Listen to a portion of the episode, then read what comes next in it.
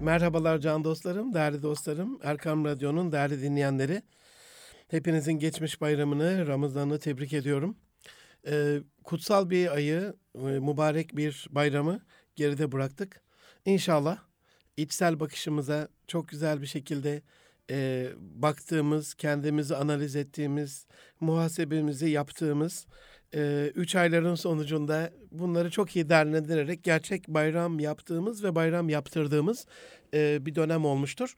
Bundan sonraki Şevval içerisinde de güzelliklerle, ondan sonra devam eden diğer aylarda da aynı güzelliklerle hayatınıza devam etmiş olabilmenizi Yüce Rabbimden niyaz ediyorum.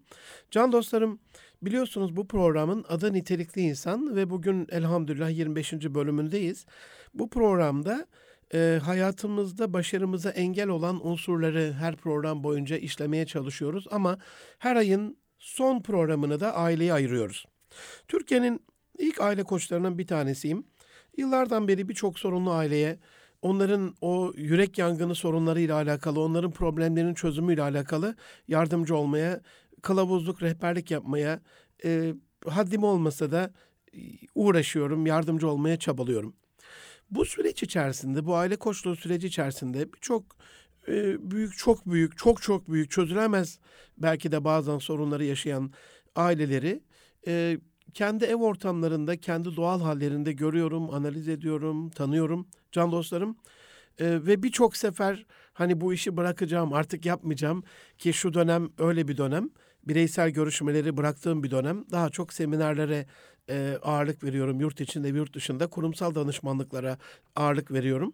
Biraz da kitap yazmaya odaklandım. Yani bireysel aile koçluğunu, bireysel görüşmeleri bıraktım. Çünkü bu koçluk sürecinde e, bu yürek yangınını yaşayan ailelerin dertleriyle hemal olup onlara belli çözümler ürettikten sonra biraz da empati yaptıktan sonra bu süreç bitip şöyle eve dönerken kendi e, arabamın içerisinde e, onlar için ağlayıp onlar için gözyaşı dökerek eve gelene kadar böyle perişan bitap bir halde kaldığım çok olmuştur. Dolayısıyla bu yüz yüze görüşmelerin dışında onlara bireysel ulaşmanın dışında da ailelerle ilgili bu konuda çok emek vermiş, yürek özetmiş bir kardeşiniz olarak bir şeyler yapmak istedim. Ee, ve bu aileler hani ulaşsam bile kaçına ulaşacağım ki? Kaçta kaç? 17 milyon aile var yani.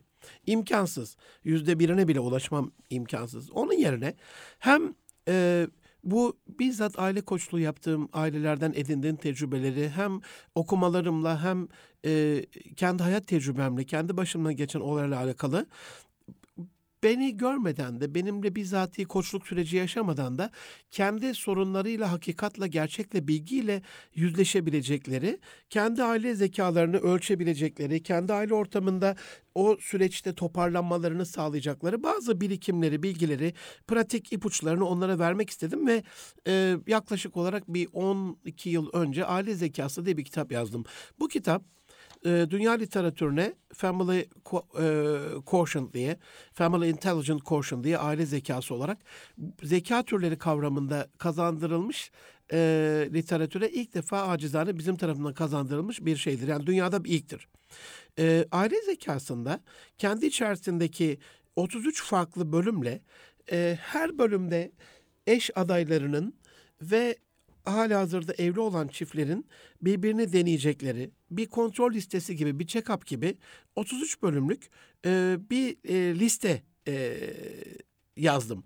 Yani aslında 33 bölüm diyelim ama listede kitabın sonunda bir test olarak eşler ve eş adaylarının e, evlilik gibi hayatlarını tümüyle değiştirecek bu ciddi müesseseyi kurmaya karar vermelerinde önce bu e, kontrol listesi gibi, checklist gibi, e, bir test gibi, hani aile testi gibi bu 33 bölümden, 33 maddeden e, bir analiz yaparak, bundan bir sonuç çıkararak evliliklerine karar vermelerini umut ettim.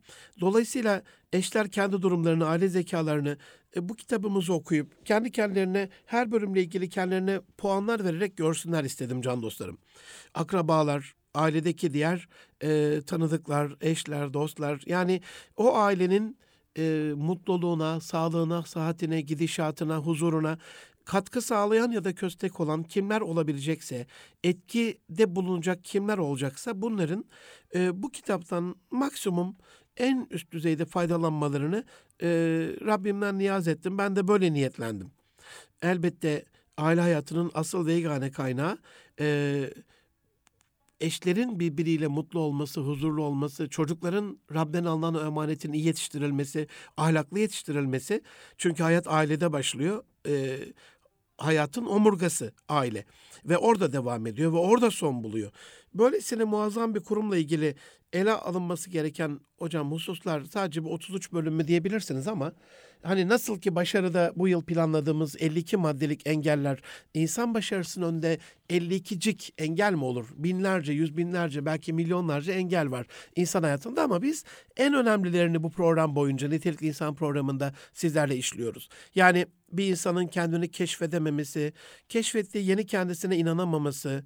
Hani düşünün e, siz çok güzel bir mimar olacaksınız diye kişilik testleriyle, yetenek testleriyle birini e, kararlaştırıyorsunuz. Birinin o olduğuna e, karar veriyorsunuz. Testlerin sonucu, raporların sonucu, danışmanlıklar, koçluklar bunu gösteriyor ama hani o keşfettiği bu yeni kendisine inanmıyorsa, kendisinin iyi bir mimar olacağını inanmıyorsa veya doktor olacağını inanmıyorsa hani bir köşede kalmış böyle hiçbir iş yapamayan bir mimar ya da bir köşede kalmış hiçbir iş yapamayan bir doktor böyle çok tanıdığım insanlar var olacaktır.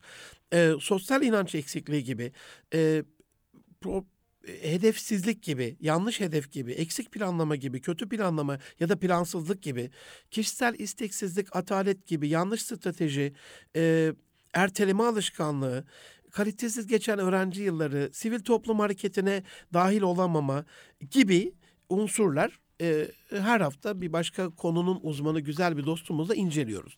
Nasıl ki kendi hayatımızda bizi engel olan, bizi tökezleten engeller burada acizane bu kardeşiniz tarafından tespit edilen bu iki bu 52 engel kadar e, cık olmasa da daha fazla engeller hayatta bizi bekliyorsa da acizane ben tespit edebildiğim kadarıyla kendi heybemdekileri size sunmaya çalışan acizane bir kardeşinizim.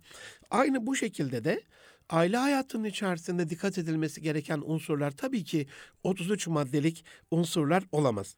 Dolayısıyla çok daha büyük, çok daha önemli e, maddeler olabilir e, Erkam Radyo et, nitelik, nitelikli insan et erkamradyo.com e-mail adresimize ya da internetten bize et Münir Arıkan ya da et Erkam Radyo tweet adreslerimize hocam şu hususu da ele alsanız aile mutluluğu, aile saadeti ile alakalı şuna da dikkat etseniz diye uyarıda bulunursanız size minnettar kalacağım dostlarım. Hem kitabımızın yeni baskısında e, güncellemiş oluruz hem de bu programda e, her ayın son programında işleyeceğimiz konulara bir de sizin katkınızla bir, bir konu daha eklemiş oluruz. Ama benim acizane yıllarca yaptığım bu aile koşulu çalışmalarında e, aileler için en azından minimum bu 33 bölümü e, tespit etmiş oldum ve her ayın son haftasındaki şu anda da Haziran'ın son haftasındaki programı sizlere icra etmeye çalışıyorum. İşte bu 33 bölümlük kitabın her bir bölümünü ki şu ana kadar bizi dinlemiş olan, dinleyen dostlarımız bileceklerdir. Erkam Radyo'nun değerli dinleyenleri ailede düşünce kalitesinin evliliğimizi nasıl etkilediğini, ailede konuşma kalitesinin evliliğimizi nasıl etkilediğini, ailede dinleme, birbirini eşlerin dinleme kalitesinin e, mutluluğunu, huzurunu, saadetini nasıl etkilediğini ele almıştık. E, Allah lütfederse bu haftada ailedeki bakma ve görme kalitesinin eşlerin e, ebedi huzura, mutluluğa ulaşma sürecindeki evlerini cennete çevirme, gönüllerine huzur verme etkisini, katkısını incelemiş olacağız. Eşlerin e, acizane bu maddeleri tespit ederken ben birbirini ve birbirleriyle alakalı beklentilerini anlamasını, hangi noktada birbirlerinden razı olabileceklerini görmelerini ve bunu bir ölçümleyebilmelerini e, murad ettim acizane. Aile zekası aile içi mutlulukta, huzurda, başarıda olmazsa olmaz minimum bu 33 maddelik unsuru içermiş oldu. Evliliğe karar verme sürecinde can dostlarım bir eşten ne beklediğini bilemeyen, haddi zatında aileden, aile olmaktan, evlenmekten ne beklediğini bilemeyen, kendi anne babasından bu konuda destek göremeyen sayısız gençle tanıştım. Ailenin ne anlama geldiğini, bu sadece ailede değil, işin ne anlama geldiğini, kariyerin ne anlama geldiğini, yaşamanın ne anlama geldiğini bilmeyen, e, gönlü kırık birçok e, huzursuz, mutsuz, zavallı dostumla tanışmış oldum. Ve maalesef bu konularda gençlerin hayat kılavuzu olabilecek e, kitap sayısı elhamdülillah Türkiye'de aileyle ilgili birçok gönül dostumuz var. Çok yazılıyor, çiziliyor. Dünyada bu konu önemi anlaşıldı, çok yazılıyor ama e, içerik anlamında gerçekten az sayıda bilge insanın kitabı var. Evlilik öncesinde bu evlenecek çiftler ya da ev, şu an hala hazırda evli olan dostlarımız böyle e, hiç kimseden yardım aramasa da gidip bir e, terapi göremese de bir psikologdan e, destek alamasa da bir aile danışmanına destek alamasa da en azından hani böyle e, benim bu programdan muradım e, aynı zamanda bu programın omurgası olan kitaptan da muradımı ortaya koyuyor. Böyle kendi köşelerine çekilseler böyle. E, yani ben eşimden ne bekliyorum? Şu anda görüştüğüm kişi, şu anda sözlenmeye sözleneceğim kişi, evleneceğim kişi benim bu zihnimde olan şu evlilik formunun, formatının e, yüzde kaçını acaba gerçekleştirebilir ya da ben onun zihnindeki bu evlilik formatının e, kaçta kaçını gerçekleştirebilir diye bir düşünce ve tefekkür seansına girmesi gerekiyor. Eşler e, burada anlattığımız hususlarda, kitapta anlattığımız hususlarda birbirinin beklentilerine uygun davranışlar sergilediklerini can dostlarım, aile zekaları ve buna, buna bağlı olarak da huzurları, mutlulukları, saadetleri, hayat başarıları, hatta sağlık, sıhhat, afiyetleri artmış olacak. Dolayısıyla burada işleyeceğimiz, işlemekte olduğumuz her ayın son e, haftasındaki bu önemli konularda e, sadece aile zekası olarak değil yani çünkü evlilikteki mutluluk elbette eşlerin zeki olmasına bağlı amenna. Zeka insanın düşünme, akıl yürütme, o objektif olarak gerçekleri algılama hani bir problem varsa bunu algılama. E, bir sorun var. E, birisi küstü size ailede. Hani niye küstüğünü anlama zeka gerektiriyor yani. E, çünkü zekası olmayan insan o nedeni bulamayacağı, bağlantıyı kuramayacağı için e, o ilişkiyi, ilintiyi bulamayacağı için bir türlü o problemi çözemeyecektir. Dolayısıyla yargılama ve bütün bunlardan bir sonuç çıkarma yeteneği zekayı oluşturuyorsa e, zeka aile içerisinde elbette önemli bir kaynaktır. Destektir, yardımcıdır. E, dopingtir. E, amenna. Ama acizane IQ'su yüksek birçok insan evliliklerinin çıkmazda olduğunu gördüm. Türkiye'de de böyle, dünyada da böyle. Zekalarıyla dünya çapında başarılara imza atmış birçok ünlü kişinin evlerinde hiçbir başarıda paylarının olmadığını gördüm can dostlarım. IQ evde sökmeyen bir zeka türüydü ve üstelik IQ arttıkça uyuşmama oranı artıyordu. Şimdi buradan e, hemen böyle bir şey bulmuşçasına bir kurnazlık, bir sansasyonel şey ne olur yapmayın. E, Münir Hocam evlilik IQ'su düşük kişilerin e, ya da düşük kişiler için olması gereken bir şeydir dedi falan. Haşa benim kastettiğim asla bu değil. Ama IQ yükseldikçe kabullenmeme oranı eşlerin karakteri, kişilikleri, kimlikleri, akıl yürütmeleri, bakış açıları netleştiği için, keskinleştiği için hem bu yaşça ilerleyen dönemlerde böyle oluyor hem de IQ arttıkça böyle oluyor ve kendinize özel kabulleriniz, doğrularınız, e, paradigmalarınız, kesin kanaatleriniz oluştuğu için eş adayınızın buna müdahalesini kabullenemiyorsunuz. Yani yüksek IQ'nuzu test ettiğiniz zaman sizin doğrularınız en doğru olduğu için e, o yüksek IQ'nuzla uyuşmazlık da çok yüksek oluyor. Peki hocam duygusal zekaya baksak ne oluyor? Emotional intelligence dediğimiz EQ'da yani bu kavramın zirveye çıktığı 90'lı yıllarda can dostlarım, değerli Arkam Radyo dinleyenleri, e, duygusal zekası yüksek birçok kişinin algı ve anlayışının aile dışında e, yüksek olduğunu ama aileye gelince, eve gelince, eşe gelince, çocuğa gelince, akrabaya gelince hiçbir duygusal zeka imaresi, belirtisi oluşmadığına şahit oldum acizane. Ota, ağaca, çiçeğe, kediye, böceğe e, yüksek bir duygusal zeka örneğiyle e, sahip çıkan e, kişiler böyle söz konusu insan olunca, ailesi olunca, eşi, çocukları, akrabaları olunca hiçbir zeka belirtisi göstermiyorlardı. Yani ben duygusal zekaya baktığımda özellikle Daniel Goleman'ın e, zirveye çıkarttığı bir kavram bizdeki empati ya da kendini onun yerine koyma, kendisi için istediğini onun için de isteyebilme, sana yapılmasını istemediğini başkasına yapmama gibi e, birçok özellikler bizim kültürümüzde, kadim değerlerimizde. E, duygusal zeka kendi duygularını anlarken başkalarının da duygularını anlamak. Ama mesela ben baktığım bu olayda yani niçin aile zekası, niçin aile zekasından bir bölüm her ayın son dönemi biraz gerekçesini sizlerle paylaşmak istedim bu programda. Yani kendi duygularını anlarken başkanın duygularını anlamak dedik ya. Bakıyorum şirketlerde sekreterinin duygularını anlıyor. Ona izin verirken, ona tatil izni verirken, ona işte maaş öderken falan ama eşinin duygu ve ihtiyaçlarına e, bir set çekiyor. Hayır bu kişi duygusal zeka, duygu yüklü zekalı bir insan değil. Ya da olumsuz duyguları denetleyebilmek. Bakıyorum mesela e, işte evde evladı iyal var e, maaş gerekiyor, iş gerekiyor. Dolayısıyla patrona karşı bir duygu denetimi.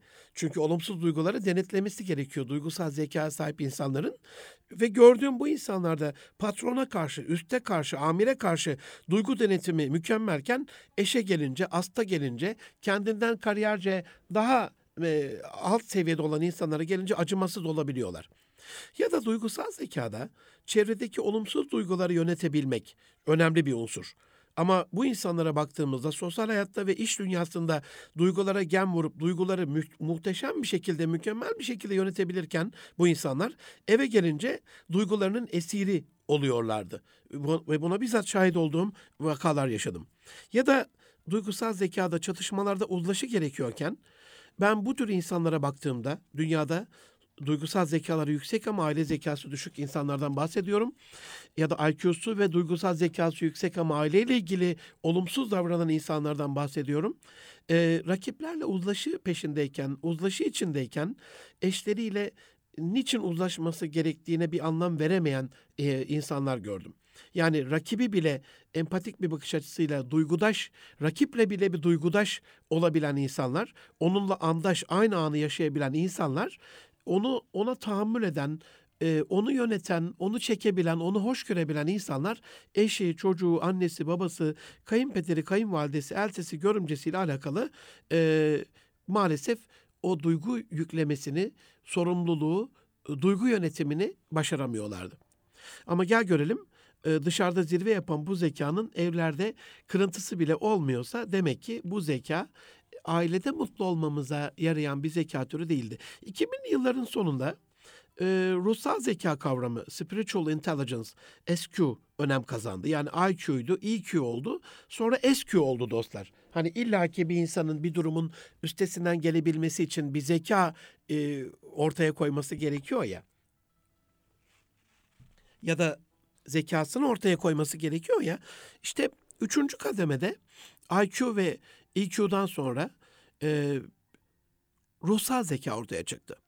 Bu önem kazandı. Bununla ilgili kitaplar yazıldı ve hakikaten ruhsal çöküntü yaşayan dünya için, Türkiye için, sosyal hayattaki o çökmüş, e, dejenere olmuş, kokuşmuş yapı için büyük bir kurtuluş reçetesi gibi e, ortaya çıktı bu zeka türünün keşfi. Ama maalesef toplumun ruhsal zekası zirve yapmış birçok kanaat önderinin de ailelerindeki yıkımları, onların bizzat aile koçluğunu yaptığım dönemlerde yakinen gören bir kardeşinizim. Yani dünyayı kurtaran insanlar maalesef kendi evlerinde esareti oynuyorlardı. Hatta e, yani üst düzey böyle yönetimdeki insanların, o ayardaki kişilerin, kralların, kraliçelerin, başbakanların bile eşleriyle büyük problemler yaşadığını basından da siz de aile koçluğu yapmanıza direkt gerek yok. Şahit olmuşsunuzdur, duymuşsunuzdur. Ee, dünyayı kurtaran insanlar, dini, milli, manevi, ahlaki çöküntüde e, olan kişilerin ruhsal zekalarının artmasına vesile olan insanlar. Doğru mu? Yani e, eğer bir kanaat önderi ise, dünyanın refahına, mutluluğuna böyle vesile olacaksa bunların e, dini, milli, ahlaki, manevi çöküntüde olan kişilerin e, ruhsal zekasının da artmasına vesile olması gerekiyor. Ama bunların kendi evleri çöküntüdeydi. Yani dünyayı kurtarmaktan kendi ailelerini kurtarmaya vakitleri yoktu. Evleri yangın yeri ve aileleri perişandı. Benim acizane yaptığım görüşme ve gözlemlere dayanarak ailedeki mutluluğun kaynağı olabilecek bu zeka türünde, bu aile zekasında, Family Intelligent Quotient dediğim FQ'da bu kavramla e, ailemiz, eşimiz, çocuklarımız, akrabalarımız için onlarla beraber bir huzur böyle bir çemberi, bir kalite çemberi, bir mutluluk çemberi oluşturması ile alakalı e, eski yanlışlardan, eski stillerden, eski alışkanlıklardan kurtularak bu yenilikleri, bu güzellikleri hayatımıza katmış olmamız olabileceğini gördüm. Onun için yani özellikle evlilik öncesinde, eş seçimi sürecinde, e, eşleriyle alakalı karar verme sürecinde olan hanımefendi kardeşlerime buradan e, yalvaran bir ses tonumla istirham ediyorum. Ne olursunuz efendim. Dini bütün görünen kişilerin ibadetlerine aldanıp ya çok Müslüman diye evlenmeyin. Başka bir ifadeyle ruhsal zekaları yüksek. Bu ruhsal zekanın yüksekliğine kanıp da evlilik kararı almayın. Evlilik bambaşka bir hayat alanı. Yani din muamele ise muameleye bakın. Annesine nasıl davranıyor, babasına nasıl davranıyor? O ailenin içerisinde gelin kayınvalide, ablasının evliliği ne durumda, abisinin evliliği ne durumda? Nasıl bir aile kültürleri var? E, damada davranış nasıl, damada bakış nasıl? Hataları nasıl çözüyorlar? Problemlerin üstesine nasıl geliyorlar? Aile e, mutluluğunu, huzurunu e, nasıl yaşıyorlar? Bir bayramı nasıl ifade ediyorlar? Yani bunlara bakmadan, aa bu işte... E, çok çok güzel böyle bir e, namazı çok güzel kılıyor. Kıraatı çok güzel. Aa bu hafız falan. Yani hakikaten sizi temin ederim can dostlarım. Aile koçluğu yaptığım kişilerin içerisinde buradan ne olursunuz kutsal kitabımıza bir dil uzatmış haşa haşa olmayalım. E, hafız olması da aileyi kurtarmıyor. Yani hafızı kelam birçok insanın da ailesinde e, problemlerin e, olduğunu e, bu sefer hafızlık eksi oluyor biliyor musunuz? Çünkü şöyle oluyor. Ya bir de hafızsın değil mi? Öyle oluyor. Dolayısıyla burada bizim bu ruhsal zekanın dışında yani evlilik öncesindeki e, bu tanışmayı, söz ve nişan aşamasındaki gerçeği yansıtmayan maskelenmiş sahte güzellikleri bir tarafa bırakıp çünkü onlara kanarsak aa ne kadar da düşünceliymiş değil mi? E, yani hem sadece dini kisvesine bakarak karar vermeyin demek istiyorum. Evlenme aşamasındaki can dostlarıma hem de bu cicim aylarındaki evlilik öncesindeki tanışma sürecindeki maskelenmiş kişiliklere, kimliklere bakarak aa ne kadar da güzel, ne kadar da düşünceli, ne kadar da kibar, ne kadar da ince falan gibi böyle duygusal zekaya aldanarak böyle bir şey yapmayın günümüzün ekonomik gerçeklerine bakıp da parlak kariyer, başarılı çalışma falan işte ne kadar IQ'su yüksek, ne kadar hayatı yönetiyor buna da bakarak karar vermeyin. Evlilik başarısı, mutlu ve huzuruyla bütün yaşamınızı kuşatacak, değiştirecek, dönüştürecek olağanüstü bir etkileşim alanına sahip yüce bir kurumdur. Yani ebedi hayatınızı etkileyecek öyle söyleyeyim ve hiçbir başarı evdeki başarısızlığı telafi etmiyorsa, edemiyorsa can dostlarım, dünya çapındaki kariyerimiz, olağanüstü başarılarımız, harikulade yeteneğimiz bile eşimiz ve ailemizden kaynaklanacak bir negatif enerjiyi, problemi bastıramayacaktır, yok edemeyecektir. Ya da eşinizin dünya çapındaki başarı ve kariyerinin evdeki huzur ve mutluluğunuza siz aile zekanızı yükseltmedikçe direkt bir katkısı olmayacaktır. Dolayısıyla gönül huzurunuz Kesinlikle ve kesinlikle sizi temin ederim değerli Arkam Radyo dinleyenlerim, değerli can dostlarım, ailedeki mutluluğunuza bağlıdır. Bir başka ifadeyle söyleyeyim bunu, hiçbir arkadaşın verdiği mutluluk yastık arkadaşının verdiği rahatsızlığı gidermeyecektir. Ee, ya da yastık arkadaşının verdiği mutluluk hiçbir arkadaşın verdiği mutluluk kadar yüce olamayacaktır. İster evlilik öncesinde bunu algılayın, eş adayı, ister şu anda evli olduğunuz eşinizin e, ya da yakın bir akrabanızın aile zekasını ölçecek olun. Başkalarının aile zekasını ölçmeden, anlamadan, değerlendirmeden evvel mutlaka kendi aile zekanızla, kendi aile stilinizle, paradigmanızla e, çünkü kendisi e, manete muhtaç bir e, himmet bir dede. Nerede kaldı kendinden gayri himmet ede değil mi yani? E, bu atasöz uyarınca biz kendimiz yardıma muhtaçsak başkasına nasıl himmet edelim nasıl ona yardım edelim? İlk önce size özellikle istirham ediyorum. Hani e, aileyle ilgili tabii ki bu programda nitelikli insanda başarının önündeki engelleri anlatmamız, size göstermemiz, o engelleri nasıl aşacağınızla alakalı pratik bilgiler vermemiz önemli ama her ayın son haftasındaki bu programı kaçırmayarak aile zekamızın 33 unsurunu, omurgasını da ele alıp e, bunu nasıl halledebileceğimizle alakalı sizlerle biraz vakit e, geçirmiş olalım. Biraz evinize, gönlünüze misafir olmuş olalım. Can dostlarım, e, hani kitap dedik, e, aile zekası dedik, yok işte nitelikli insan programında her ayın son haftasındaki e, 33 bölüm dedik. Bunlara kısaca bir değinmem gerekirse e, herhalde bir ara vereceğiz. E, kısaca bu 33 bölümü sayayım. Ondan sonra bu haftaki konuya biraz da uzun tuttum girizgahı ne olur hakkınızı helal edin. Ailedeki bakma ve görme kalitemizin mutluluğumuzu nasıl etkilediğine geçmiş olalım.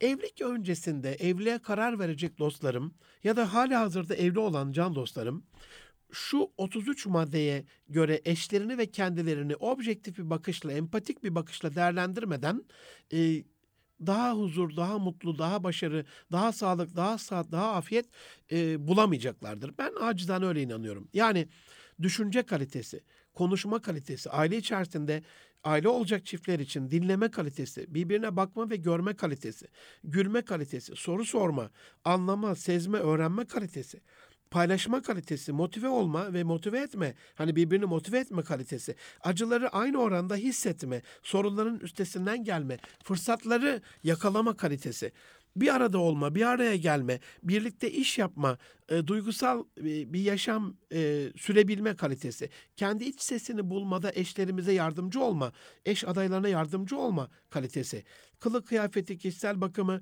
çalışma ve geçim kalitesi, akrabalarla iletişim kalitesi, ibadet, etik değerler, e, cinsel hayatları, çocuk yetiştirmeleri, süt anneliği, birbirine önem vermeleri, e, birbirinin birbirine söz vermeleri ve sözlü tutabilme kalitesi gibi e, son e, beş maddede de boş vakitleri değerlendirme kalitesi, gezme ve eğlenme kalitesi, özel günlerimizi doğum günü gibi, evlilik yıl dönümü gibi hatırlama ve bunları layıkıyla eşimizin ya da karşımızdaki kişinin beklentisine uygun e, kutlayabilme ya da bir hatırlayabilme vesiledir bunlar kalitesi, eleştirilere açık olma kalitesi, hataların üstesinden gelebilme kalitesi ve son olarak 30. maddede eşlerin birbirini sevme kalitesi ebedi saadetlerini dünyada evlerini cennete çevirme kalitesini etkilemiş oluyor. Can dostlarım Erkam Radyo'da Nitelik İnsan programına e, kısa bir aradan sonra inşallah birbirimizin bakışlarını ve görüşlerini nasıl daha kaliteli hale aile içerisinde getireceğimizle ilgili sizlerle işlemiş olacağım. Az sonra görüşmek üzere efendim. Erkam Radyo'nun değerli dinleyenleri, can dostlarım, Münir Arıkan'la Nitelik İnsan programının ikinci bölümüne yeniden hoş geldiniz. Her ayın son haftasındaki aile ile ilgili, aile konusundaki programımızda e, aile için mutluluğumuzu, eşlerimizle olan saadetimizi, aile içerisindeki evdeki huzurumuzu, e, hangi unsurlar etkiliyor, hangi unsurlar buna destek oluyor bunları paylaşıyoruz. Bu haftaki konumuz girizgahı biraz bu hafta uzun tuttum ne olur hakkınızı helal edin. Bakma ve görme kalitesi eşlerin ve eş adaylarının bekar arkadaşlar dikkatlice dinler, dinlesinler inşallah. Yani eşlerin birbirine ya da eş adaylarının bakma ve görme kalitesi hayatlarını nasıl etkiliyor ee, bunu anlatmış olacağız inşallah. Ee, Eguen O'Neill gözler diyor görmek istediğini görür. Aynı aşık olan insanlarda da hani neyi görmek istiyorsak zihnimizde bir kalıp var. O kalıpla, o kabulle, o paradigmayla, algoritmayla görmüş oluyoruz. Ben geçen de bir karikatürde görmüştüm can dostlarım. Kadıncağız e, felç olmuş. Uzun yıllar olduğu belli. Karikatür onu yansıtıyor. Tekerlekli sandalyede. Tekerlekli sandalye mahkumu bir e, kadıncağız yani. Birden bir şey oluyor ikinci e, şeyde resimde. Karikatürün ikinci bölümünde. Birden ayağa kalkıyor böyle ve bir adım atıyor. Yürüyorum yürüyorum diye böyle sevinç içerisinde. Böyle yan tarafta da üçüncü karede hiç umursamaz, vurdum duymaz böyle hiç eşiyle alakası olan bir adam böyle sesleniyor ona. Hayatım diyor hazır ayağa kalkmışken diyor bana da bir çay getirsene. Yani şimdi buradaki unsur e, bizim olayı olayın içindeki güzellikleri, nimetleri, bize bahşedilen bir güzelliği, iyiliği e, göstermiyorsa hani güler misin ağlar mısın değil mi? Gözümüzün önündeki bir mucizeyi bile göremeyiş bu olsa gerek ki bu Rabbimizin hani en sevmediği e, insan kusurlarının başında bu gelir. Yani şükürsüzlük, görememe şükürsüzlük halidir. Yani şükürsüzlük bir görememe kusurdur öyle söyleyeyim.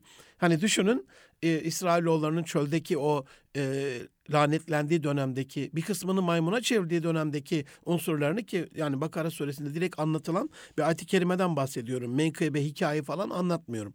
E, gökten biz onları diyor bulutlarla şey yaptık, koruduk. E, bıldırcın e, eti indirdik, e, kudret helvası indirdik ve bir müddet sonra dediler ki ey Musa biz işte sarımsak istiyoruz, soğan istiyoruz, mercimek istiyoruz, sebze istiyoruz falan. O da dedi dönün dedi Mısır'a orada sizin istedikleriniz orada var yani. Firavun'un e, şeyi altında, tahakkümü altında çile çekerken, e, onun soykırımına maruz kalırken hani şehrin hayatı içerisinde e, gidin dedi yani kinayeli bir şekilde. Dolayısıyla hani oradaki Rabbin düşünün dostlarım yani yolda gidiyorsunuz açsınız ve çöldesiniz manevi bir ulvi bir e, mucizeyle bir sofra iniyor ve e, cennet şeylerinden taamlarından yemeklerinden nasipleniyorsunuz yani. Yani bu bu mucizeyi görememek düşünün nasıl bir bakma ve görme kusuru oluyor.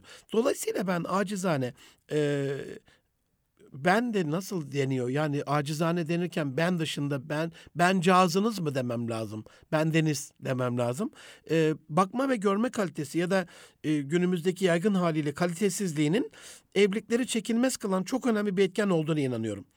Evlenmeden böyle küçücük bile olsa e, bütün güzellikleri minik minik minik toplayan e, küçük güzellikler koleksiyoneri olan insanlar e, evlendikten sonra küçük de olsa hata kırıntılarını büyülten teleskopik bir görüş açısıyla e, onları böyle gözümüze gözümüze sokan hatamatiklere dönüşünce görmek ve bakmak insana büyük bir azap oluyor. Dolayısıyla tam tersini belki yapmak gerekiyor can dostlarım. Yani hataları görmezden gelip küçücük bile olsa iyilikleri, güzellikleri görmeye başlasak aile e, çok daha güzel olmaz mı? Ben şöyle düşünüyorum ya biraz da espiritüel ama e, sözlenme hatayı yok ediyor, iyiliği bine katlıyor. Nişanlanma hatayı küçültüyor, iyiliği yüze katlıyor. Evlilik insanın gözünü açıyor, ağzını da açıyor. Yani e, iyilik yapsam bin tane yine de yani ben senden ne gördüm ki e, oluyor. Dolayısıyla bu hataya düşmeden e, Lokman Hekim'in tavsiyesi bu değil mi can dostlarım? Yani oğulcağızım diyor hani iki şeyi tut iki şeyi unut nedir baba diyor. Sana yapılan kötülük kötülüğü görmezden gel bunu unut yani senin yaptığın iyilikleri de unut bunu e, tutma diyor yani unut bunları. Senin yaptığın kötülüklerle sana yapılan iyilikleri de tut bunu da asla unutma diyor. Bunu sürekli gözünün önüne getir diyor. Dolayısıyla bizim buradaki bakış açımız bakma ve görme kalitemiz ebedi saadetimizi, aile saadetimizi, huzurumuzu, mutluluğumuzu etkilemiş olacak. Yani biz mesela aşık olduğumuz birisine bakarken içimiz gider can dostlarım. Hani bakışlar anlamlıdır, duygular kabarıktır. Yani evlendikten sonra ne oluyor? Aradan geçen o zaman gözlerin törpüsü oluyor, gözlerin feri sönüyor. Duygular silikleşiyor, istek azalıyor, arzuların yerine acılar alıyor. Yani durum niye sevgiden nefrete doğru kayıyor? Halbuki Müslümanın Allah Resulü'nün Ayşe validemiz olan aşkına baktığımızda, o aşkı tanımlamasına baktığımızda hani kördüğüm gibidir, kördüğümde ilk günkü gibidir. Yani korunmuştur, muhafaza altına alınmıştır. Ee, ebedi saadetlerini yaşayacakları, cennette ebediyen e, eşleri olacakları yani kısacık 100 yıllık dünya hayatı 50-60 yıllık dünya hayatı değildir. E, Müslümanın e, inançlı bir insanın aşkı, aile içerisindeki huzuru dolayısıyla ebedi bir bakış açısıyla e, bakmamız gerekiyor. Yani bir numara iki numara dünya gözlükleriyle kaytarık kuytarık merceklerle değil de e, şöyle bir şey de anlatılır böyle e, fıkravari. Adamcağız evliliklerinin 10. yılında işten atılır. Beş parasız böyle bir gün eve gelir tabii e, kapıyı çalar. E, hanım açar. Aa dersen şaşı mıydın? Yani bir miktar abartmayla beraber durumumuz aynen böyledir. Yani 10 yıldır her gün elinde bir yıl hediyeyle evin kapısını çalan adam hani eşi açınca elindeki hediyeye bakıyor doğal olarak onu veriyor. E, elindeki hediyeleri eşine takdim ediyor. Yani 10. yıl eli boş gelen ilk günse yani bakılan ve görülen adamcağızın kusuru oluyor tabii burada. E, şaka bir tarafa hani yaşıyoruz bunları. Tabii ben bunu söylerken dostlarım e, hediyenin e, kusur örtücü, muhabbet artırıcı güzelliğini e, yok saymış olmayayım yani. Kaldı ki hediyede bile hani içerik, zarf ve mazruf güzeldir. içerik güzeldir ama diyelim siz küçük bir e, altın bir şey aldınız. E, önemli değil bir kitap aldınız. İlla altın, gümüş, pırlanta olmasına gerek yok. Ne yaparız? Sevdiğimiz insansa bunu çok güzel bir ambalaj yaparak, çok güzel bir paket yaparak. Yani orada bile e, hediyenin ambalajı bile. Niye? Hediyeye bakış daha güzel olsun diye.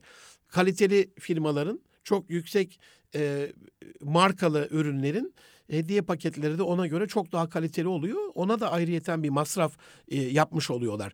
Yani sırf hediye değil, zarf ve mazrufta mazrufu kaplayan zarfın da biraz daha güzel bir hale gelmiş olması gerekiyor. İngilizlerin bir sözü var derler tavşan yakaladıkça köpeğin renginin bir önemi yok affedersiniz. Ee, bir taraftan tamamen bencil ve hayalperest bir yaklaşım ama diğer taraftan bakınca da hani işini doğru yaptığın sürece kimsenin sana ilişmeyeceğini ifade ediyor. Kaldı ki kusurlarımız olsa da hatalarımız olsa da e, hediyelerle yani sevmediğimiz kişilerde bunu deneyebiliriz. Böyle birkaç dönem sürekli arada küçük de olsa hediyelerle onu e, yad ediyorsak, hediyeleşiyorsak bize karşı kırıcı olmayı en azından e, bırakmış olacaktır. Kırıcı sözlerini birazcık ertelemiş e, olacaktır diye düşünüyorum. Can dostlarım, aşkın gözünün kör olduğu dönemlerde eş adayımızın ve onun annesinin, akrabalarının e, hiç kimsenin o taraftan hatasına bakmayız. Görsek de görmezden geliriz. Ama böyle evliliğin cicim ayların bitiminden itibaren ilk başlarda önemsemediğimiz, görmezden geldiğimiz, olumluladığımız, ya öyle değildir diye annemize, babamıza, akrabalarımıza e, şey yaptığımız, tercümesini yaptığımız, çevirdiğimiz, dönüştürdüğümüz her hareket gözümüze gözümüze batmaya, gözümüzde büyümeye, beynimizi kazımaya başlar. Ee, Alphonse Dudet'in bir sözü var. Kadınlar diyor söyleyeceklerini en iyi gözleriyle söyler. Dolayısıyla bizde de hani bir bakış bir bakışa bilmem neler anlatır. Bir bakış bir bakışa saatlerce ağlatır. Hani buradaki o bakış gözden gönle giden o bağlantı e, ama eşin gözüne baktıkça mutlu olan hormonal bir yapı. Acaba evlilikten önce böyle, evliliğin cicim aylarında böyle ama evlilik sonrasında niçin hani seni görmek istemiyor, gözüme dönüyor? Bunu da e, aşk bir sevgi bakışıysa, bu bakışı kutsallaştırıyorsa e, buna göre e, düşünmek lazım. Yani kusurlar görülmeye başlıyorsa bu çok büyük bir aile içerisinde e, check-up döneminin, e, rektifiye döneminin, e, bakım evliliğin bakım döneminin geldiğini gösteriyor. Yavrum Dilara Büşra ile 5 yaşındaydı o zaman. Topkapı Sarayı'na gitmiştik. Ramazan'ın son döneminde Sayın Cumhurbaşkanımızın da ziyaret ettiği e, Mukaddes Emanetler bölümüne. Şimdi 5 yaşındaki bir çocuğa işte Peygamber Efendimiz sallallahu aleyhi ve sellem'i anlatmışız. Onun büyüklüğünü, yüceliğini, mükemmelliğini, e, ahseni takvim olan insanın da en üst değil mi? Yani seviyesindeki bir insan. Zihninde bir peygamber tahayyülü ve sevgisi var. O küçük yavrunun. E, girdik içeriye ve sakalı şerif var biliyorsunuz hani birkaç şeydir böyle e, sakaldan birkaç kopmuş parça ya da kesilmiş parça e, küçücük bir şeyde zaten uzaktan zor görülüyor. Önünde de ufak bir mercek var. Hatırlayın dostlarım şu anda orta şeyden kapıdan ilk girdiğinizde sağ tarafta hemen. E, işte dedik Peygamber Efendimizin sakalını göstereceğiz sana. Büyük bir merakla, hoşuyla hani beş yaşının verdiği şeyle böyle ama çok böyle önemseyerek falan geldi. Hani dedi. İşte dedik ortada dedik. Göremedi tabii iyice dikkat hani dedi ya nerede işte tam o olduğunu oradaki birkaç hani sakalı şerif parçasının olduğunu ağlayarak çıktı dışarıya. Olamaz olamaz.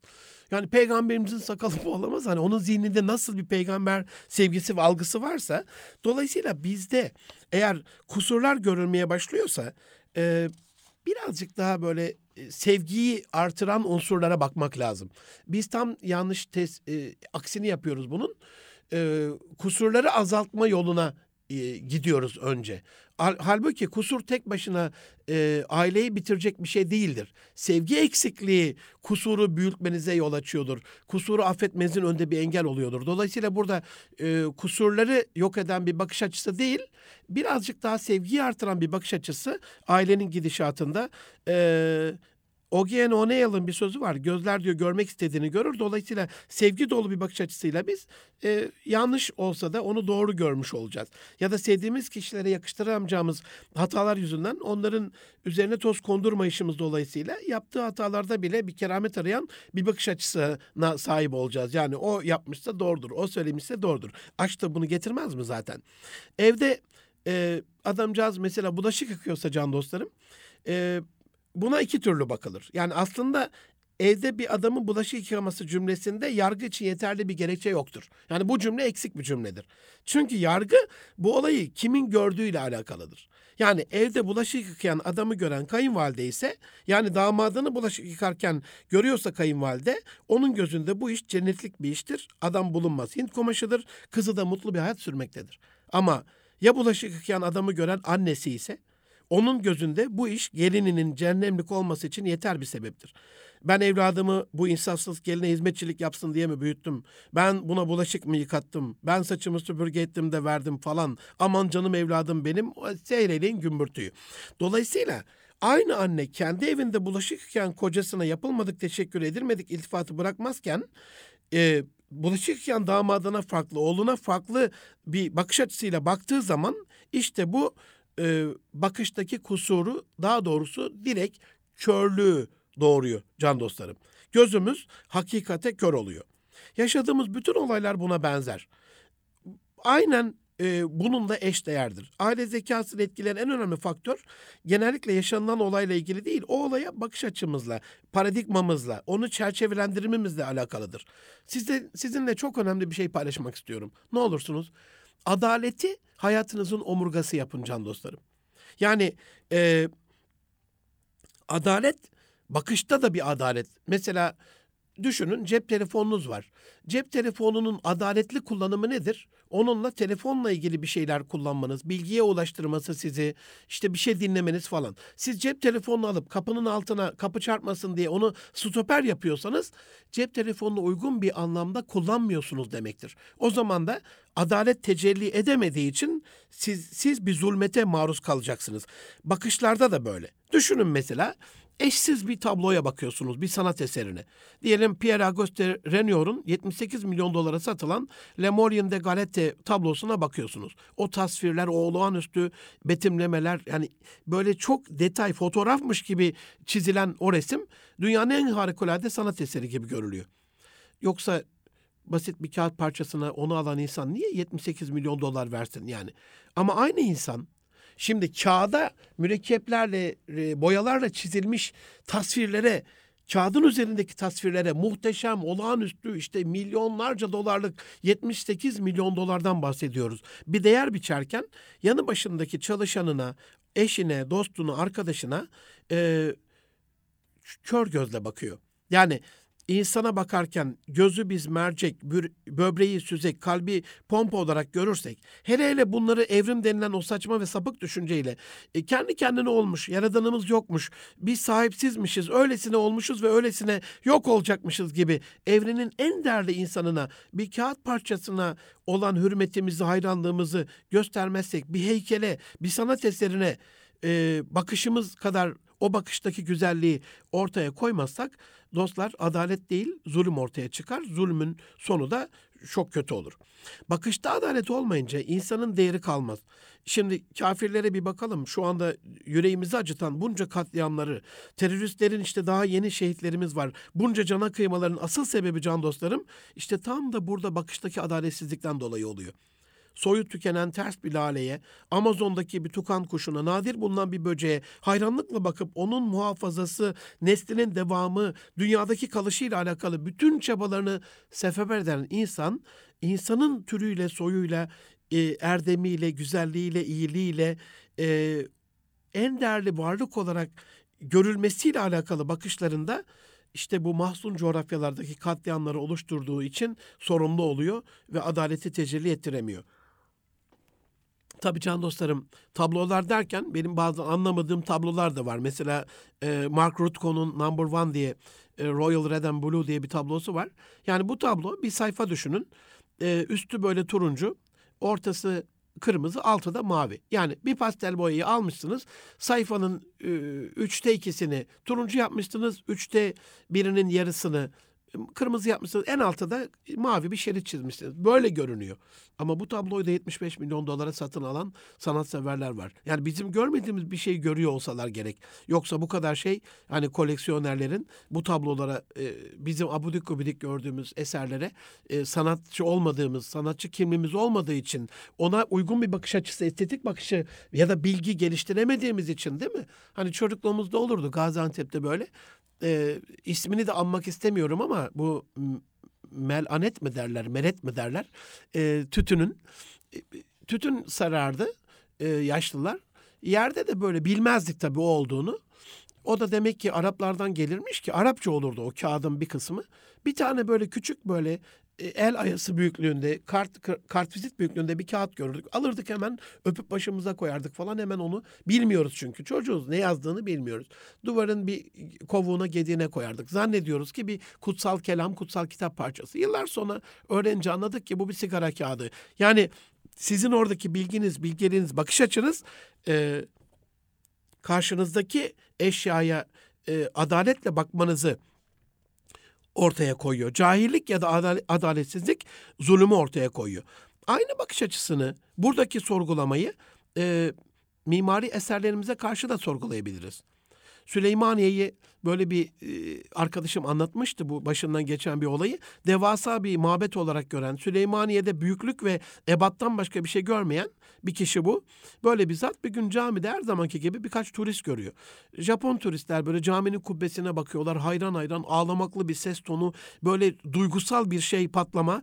E, hatta geliyorlar böyle o kubbeleri taşıyan pil bacaklarına, o sütunlara e, şefkatle böyle minnetle, hayranlıkla dokunuyorlar. Okşuyor, okşarcasına böyle caminin o sütunlarını, o direklerini e, bugüne kadar hani ne büyük bir madetten başka bir duyguya sahip olamamış bu zavallı zat da böyle turistlerin ellerini şefkatli bir şekilde bu mermer sütunlara dokunmasından okşarmış gibi sürüp mabede olan hayranlıklarını çok ince bir ruhla ifade et, etmesinden etkilenince dayanamaz kendisini o koca kubbenin altında halılara atar secdeye kapanır. Allah'ım der böyle biraz da yüksek sesle yanındakiler de duyar bunu. En azından bana da şu Japon turistlerin bakış zerafetini ver. En azından benim de onlar kadar senin bu kutsal mabedinden etkilenmemi sağla. En azından beni de bu kadar duygusal bir hale getir. Ben de onların o duygu, duygularıyla, duygusallığıyla bakabileyim diye böyle heyecanlanır. Can dostlarım işte... E, bu adalettir işte bakışta olması gereken adalet. Bakışlarımızda adalet gelince hislerimiz nankörlükten şükre döner. Tedumu nime bir şükri. Nimetler şükürle artar. Demek ki bakışı silikleştiren şükürsüzlükmüş. Rabbim inşallah etrafımızdaki tüm varlık alemine şükürle bakmamızı ve varlık alemi içerisinde bizi yoktan var eden, çocuklarımızı yoktan var eden, bize hiç yoktan, hiç aklımızda yokken bir eş e, bahşeden Rabbimize şükrümüzü artırmak adına da en yakın çevremizdeki kişilere, akrabalarımıza da inşallah bu bakış açısıyla bakmamızı Rabbim nasip eylesin. Can dostlarım Temmuz ayının e, buraya da not alayım inşallah unutmam. Son haftasında da bu bakma görme kalitesi hemen bitecek bir şey değil. Soru sorma ve dinleme kalitesi de birkaç hafta sürmüştü biliyorsunuz. Bu da herhalde en azından iki haftamızı alacak. İlk bölümü bitmiş olsun. Sadece kısaca birkaç dakikalık kalan vaktimde size bazı bakma ve görme kusurlarını e, maddeleştirerek saymış olayım. Not alma imkanınız varsa alınız efendim. Yoksa öğleden sonra Et Münir Arıkan ve Et Erkam Radyo'da e, bu kusurları paylaşmış olacağız. 12 tane görme kusuru var. Aile saadetini, mutluluğu etkileyen, engelleyen, e, bunlardan kurtulmuş olmamız lazım. Bir numaralı görme kusuru, verilen nimetleri, sahip olunan nimetleri görmeme kusuru. E, iki numaralı görme kusuru, riskleri, hataları, yanlışları görmeme kusuru. Üç numaralı görme kusuru, ön yargı. Dört numaralı görme kusuru, yanlış bakış açısıyla bakış. Hani çalıştırdığımız elemana öyle bir bakarız ki e, o e, çok çok özür diliyorum. Başı ezilmesi gereken, şımartılmaması gereken bir kişi. Onu pohpahlamayız, onu övmeyiz, onun yüzüne karşı şımarır diye bir şey söylemeyiz. İşte yanlış bakış açısı yani öyle değil. E, ya da empati yoksunluğu beş numaralı kusur. Böyle eve e, yardımcı olmaya gelen bir ablamız vardı. Birazcık da böyle e, fazla değil yani. Çok abar, abartılı değil ama eşime göre, Sema Hatun'a göre biraz daha ona fazla bir şeyler verilmesi gerektiğiyle alakalı çaba içindeyken eşim bir ara itiraz edecek oldu. Ee, ben de dedim yani Sema Hatun e, kızımız şimdi düşün. O zaman da daha çok küçüktü yavrular. Büyümüş e, ve olabilir. E, yani bir başka birinin evinde böyle bir oradaki hizmetleri gören bir insan. Oradaki ev halkının, ev sahibinin kızımıza nasıl davranmasını isterdin? Neler vermesini? Tamam dedi bir tane. Ben pes ettim. Sen istediğin gibi gönlüne göre davran. Altı numaralı görme kusuru ailede dostlarım sevgi yoksunluğu. Yedi numaralı görme kusuru nefret. Sekiz numaralı görme kusuru imansızlık, inançsızlık. Dokuz numaralı görme kusuru şeytani bakış. 10 numaralı görme kusuru negatif bakış. Hani %50'si dolu %50'si boş bardağa bakış değil mi? 11 numara gördüğünü paylaşmama. Görmenin zekatı şükür ve paylaşımdır. Çünkü dostlarım gördüğünüz şey sırlar aleminde benim görmediğim bir sır olabilir. Bunu kendinize saklamamanız lazım. Ve son olarak en büyük görme unsurlarının başında günümüz dünyasında global hız e, diyebilirim. E, bu hızlı hayat 200 kilometre hızla gittiğimiz hayat içerisinde yol kenarındaki çiçekleri görmemizi, güzellikleri, bize el sallayan e, kişileri görmemizi etkiliyor. İnşallah hayatımızdaki bütün güzellikleri gördüğümüz, adaletli bir şekilde görüp değerlendirdiğimiz ve bunları bize bahşeden, lütfeden Rabbimize de şükrümüzü ifa ettiğimiz bir gelecek diliyorum. Allah'a emanet olun efendim. Görüşmek üzere, hoşçakalın.